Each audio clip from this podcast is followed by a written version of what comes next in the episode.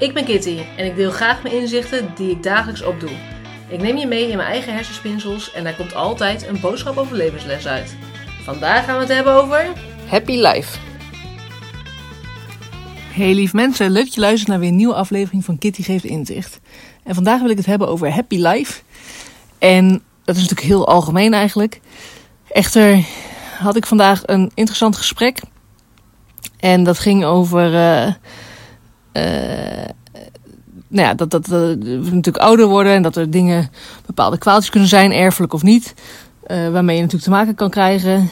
En wat je levensduur misschien kan verkorten of misschien zelfs eh, nou ja, wat minder mooi kan maken of beperkter.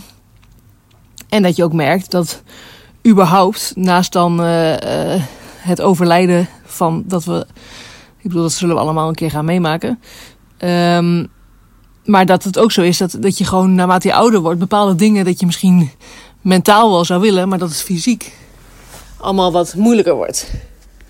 En eh, dat je daardoor ook nou, dingen waar je misschien voor passie altijd gedaan hebt, misschien wel niet meer kan doen. En, of minder of op een andere manier.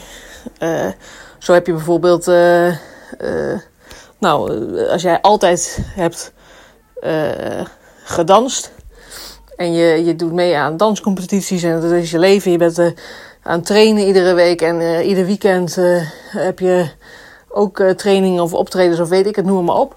En vervolgens ineens merk je van, hé, hey, ik heb last van mijn schouders of ik heb last van mijn knieën of ik merk dat mijn conditie veel slechter is.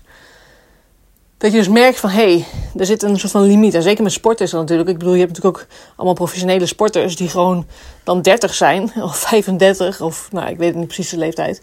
Maar, eh, en dan, dan kunnen ze niet meer. Dan stopt dat voor hun. Ehm, dat is best heftig. Als je dat je hele leven zo intensief gedaan hebt. En ook met plezier en je passie is dat ook. Om dan ineens dat niet meer te hebben. En dan is eigenlijk de vraag van, joh, wat zou jij dan willen doen? En ehm, hoe kun je je leven eigenlijk gewoon altijd zo inrichten dat je gewoon de dingen doet die je heel leuk vindt, eh, maar ook mee durft te gaan in de veranderingen die er zijn. Zo kun je natuurlijk bijvoorbeeld, eh, nou ja, nu al, eh, ondanks dat je misschien dan nu gewoon nog kan sporten, bewijs van, of, of je dingen kan uitvoeren, nadenken van oké, maar wat vind ik dan belangrijk? Wat zijn dan bijvoorbeeld, wil je heel veel gaan reizen? Wil je heel veel van de wereld zien? Wat zou nou, stel je ligt nu, en dat klinkt dan een beetje heftig misschien, maar je ligt nu op je sterfbed. Waar zou je dan op terug willen kijken? Wat vind jij dan belangrijk, wat je dan gedaan hebt, of wat je ervaren hebt, of hoe je in het leven staat? Hoe zou je dat dan willen zien? Hoe zou je daarop willen reflecteren? Wil je er soort van rust bijna in hebben van, nou ja, maar ik heb er in ieder geval wel alles uitgehaald, of in ieder geval eh, nou, een happy life geleefd? En dan ben ik gewoon heel benieuwd, want je merkt gewoon heel vaak dat mensen ook vaak denken: ja, als ik met pensioen ben, dan ga ik dit en dit. Of ja, dan ga ik zo en zo. Of ik heb dit nodig, want anders kan ik dit en dit niet doen. Terwijl heel vaak kun je het al in kleine elementen of kleine dingen kun je het al doorvoeren. Of op kleine schaal kun je het al gewoon doen. Eh, en denk je meer in beperkingen dan dat je denkt in: maar hoe zou ik het wel kunnen doen? En ik wil je vooral uitdagen om eens op die manier ernaar te gaan kijken. Van joh, wat zou ik dan heel graag doen?